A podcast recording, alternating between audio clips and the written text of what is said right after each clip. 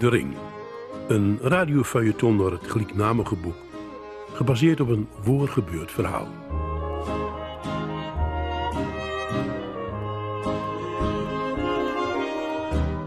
Je luistert naar een podcast van Drenthe Toen. Dit is De Ring, geschreven en voorgelezen door Jan Spolling. Hoofdstuk 8, waarin hoofdpersoon Johan Schulting een lotgenoot ontmoet. Hij is niet alleen. En die kennis, maar ook de brieven van zijn vader, brengen een hoop teweeg. Het bleek mij al gauw dat de interesse van Peter voor de oorlog meer was dan alleen maar een historische belangstelling. Het was een obsessie. Dat zag ik toen ik eens een keer bij hem thuis kwam. Zijn hele hoek stond vol boeken en archiefmappen over de Tweede Wereldoorlog. En toen ik de eerste keer verwonderd vreug waar die grote interesse toch wegkwam, zei hij niks. Och ja, ik ben geschiedenisleraar en dan verzamel je zo wel eens wat, zei hij. Je staat ervan versteld hoeveel er ligt op rommelmarkten en tweedehands boekenbeurzen. En ik hecht grote waarde aan boeken, daar heb ik gewoon wat mee. In hoes ontbrak duidelijk een vrouwenhand. Zijn hoes was het hoes van een oudere vrijgezel. Wel net iets opruimd, maar de kleine dingen ontbraken. Zoals vazen met bloem, planten, beeldjes en dat soort dingen. Ben je niet getrouwd? vroeg ik de tweede keer dat ik hem opzucht. Hij keek onwennig langs mij. Geweest, geweest. Ze woont al sinds een jaar of vijftien alleen en ik dus ook. Hij lachte wat schuchter. Ze kon niet goed met mijn hobby overweg, zei ze. Peter was de eerste kennis waar ik het gewoon van hem bij langs te gaan. En minstens één keer in de week tref ik hem en ik kwam soms ook bij mij op bezoek. En sinds een van die keren kwam het gesprek weer op de oorlog. En toen vertelde hij mij ineens dat zijn obsessie door kwam van het feit dat zijn vader in 1943 als vrijwilliger bij de SS verging had. En omkom was aan het front bij Stalingrad. Moet je je toch eens voorstellen, zei hij. We woonden in zo'n zo'n Zuid-Hollands dorp van allemaal rechtzinnige kwekers. Mijn moeder, vijf broertjes, met twee zusjes en ik. Zo arm als de ratten waren we. En mijn vader was fout geweest. Ja, ze vonden het waarschijnlijk een terechte straf dat hij gesneuveld is. En het was normaal dat wij als gezin daarvoor moesten boeten. Nou, dat hebben we geweten. Er waren meer armen in ons dorp. Maar als de diaconie rondging, dan werd ons huis overgeslagen. Sterker, op een dag werd mijn moeder door de wijkdiaken fijntjes te verstaan gegeven dat wij niet meer welkom waren op de zondagschool. De andere ouders stoorden zich aan onze armoedige kleren en onze luizen. En toen, toen vertelde Peter hoe zijn hele jeugd doordeur bepaald west was. En toen kwam er mij de schok van herkenning. Hij ook. En wie wist hoeveel meer kinderen een jeugd metmaakt hadden van goed oppassen nooit één verkeerd woord mogen zeggen, van in de schaduw van het leven blijven en geen verkeerde indruk maken. En je best doen. Je best doen. Meer dan dat, meer dan iedereen. Een leven van compensatie en nog eens compensatie. Peter had werkelijk alles uitzucht van het leven van zijn vader. Van het leger onderdeel waar hij bij zat, waar hij vechten had, waar er storm was, zijn brieven, zijn foto's. Alles had hij, Peter van Veenendaal, in een geweldig archief bij elkaar bracht. Mijn vrouw kon niet meer leven, zei hij. Dan zat ik wel gelijk, denk ik. Nou, het is nu wat over, maar je moet bedenken dat ik in meer dan twintig jaar elk vrij uur besteedde aan archieven in Nederland, Duitsland en zelfs in Rusland. Ik, ik, ik reisde mijn vader als het ware achterna. Idioot achteraf, maar ik kon niet anders.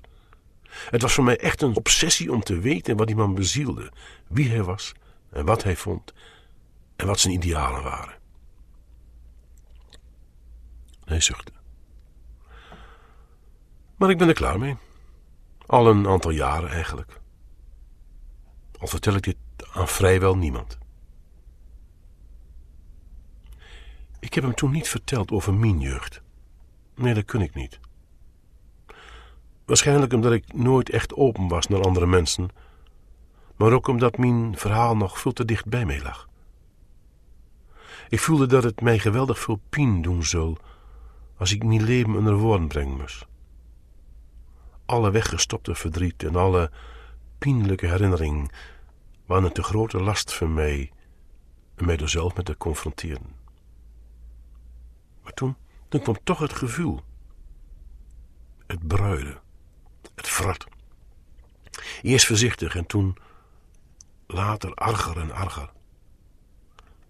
Ik had een vader die ook sneuveld was in het Duitse leger. Weliswaar als Duitse, maar had ik toch geen recht op om te weten wie hij echt was? Mag ik niet weten waar hij zijn laatste dagen doorbracht had? Waar en hoe hij sterm is? En misschien kun ik achterhalen wat hij, wat hij dacht en voelde. Misschien even toch wel weten dat mijn moeder zwanger van hem was en dat hij vader worden zou. Want hij was immers al bijna twee maanden weg. En misschien had mijn moeder hem stiekem toch geschreven dat er ongesteldheid uitbleven was. En misschien waren er ergens toch nog brieven van hem in archieven of bij familie. Ja, misschien was er nog familie in leven. Hadden broers of zusters. Misschien was er nog wel een graf waar ik heen kon. En dat gevoel gruide. En op een dag besloot ik dat ik meer weten wil van mijn vader. Hoeveel pijn dat misschien ook doen zou. Ik wil vooral meer weten van zijn laatste dagen en waar hij sturm was. En toch, een een of andere raadselachtige reden, was ik er nog niet aan toe. Ik had wel het besluit num om op zoek te gaan, maar de tijd daarna bleef ik uit de buurt van de brieven en de foto's. Het was net of een stil en onzichtbaar gevoel dichterbij kwam. Ik las niks meer over de oorlog en de oorlogsfilms keek ik al helemaal niet meer. Pas in het najaar van 1999, op een mooie warme herfstdag, heb ik in de tuin het kistje van mijn moeder opendaan en las ik de brieven. Ze waren geschreven in oktober 1943. En toen ik ze las, kwam ik tot de schokkende gedachte dat ik de laatste 10, 15 jaar niks van de Balkanoorlogen met kring Toeval of verdringing. Ik wist niet. De brieven troffen mij meer dan ik dacht. Ze waren prachtig van toonzetting en mooi van stijl. Mijn vader had een prachtig handschrift, zag ik. Mijn vader. En voor het eerst in mijn leven voelde ik door wat bij. Bij dat woord. Vier brieven zaten in het kistje. Allemaal een paar dagen na elkaar op de post dan. In de eerste schreef hij dat hij indield was bij de aanvullingstroepen van het 373e Infanteriedivisie, de Tiger-division, die speciaal uitgerust was voor acties in de bergen. De partisanen van Tito hadden al grote verliezen toebracht aan het Duitse leger en de leiding verwachtte grote steun van Amerikanen en Engelsen aan Tito. Dus de divisies moesten gauw op start gebracht worden. Vertraining was geen tijd. In de buurt van Ween kwam hij in een kazerne waar hij met een groot aantal roege Kroatische soldaten uiteindelijk deurstuurd werd aan zijn onderdeel. Kroatië had al een band met Duitsland in het tijd dat de Turken voor de poorten van Ween stonden. En de haat tegen de moslims en de Serven zat er na drie eeuwen nog in. En het gekke was dat er ook moslims bij dit leger onderdeel zaten. De tweede brief schreef hij uit Banja Luka, waar binnen een paar dagen de helft van de Kroatiërs en de moslims verdwenen waren, compleet met de hele uitrusting. De dagen daarna zullen hij weer gaan, schreven, naar de buurt van Trefnik en Bugogno, om de spoorlijn door het dal te bewaken. Dat zal de komende tijd zijn taak worden, het bewaken van toevoerlijn over de weg of per spoor. Wahrscheinlich nicht das Schwierigste, schreef hij. In het daderschream klaagde hij over de slechte uitrusting en het gebrek aan goed eten. Er was voor 12.000 man verzorgingscapaciteit en er lagen 40.000. Zelfs bergschoen en een klimmoedrusting had hij niet.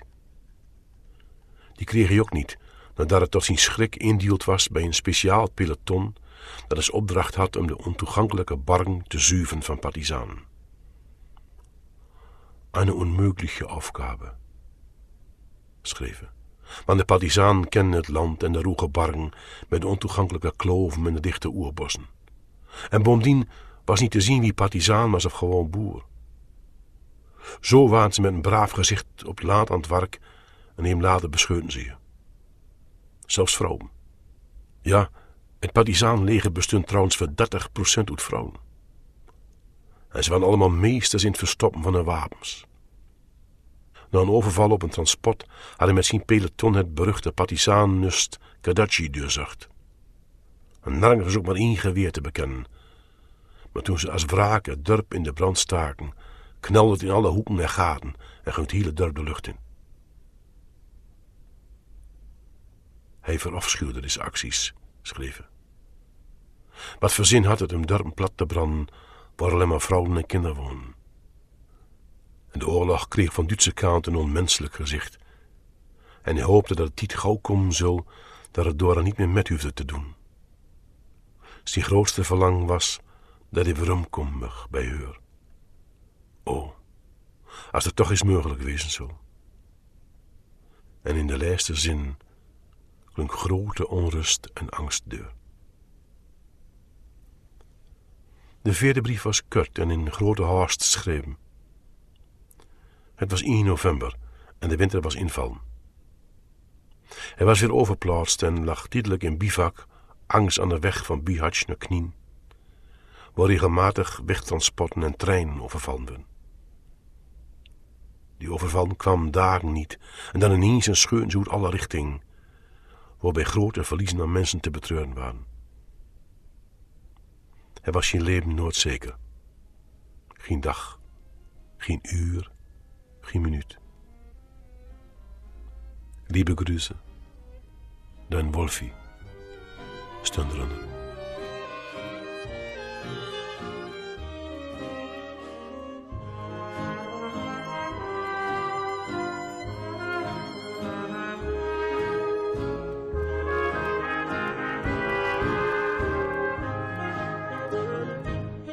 Je luisterde naar een podcast van Drenthe Toen. Elke week komen er weer nieuwe bij en ze zijn te downloaden via je podcast-app.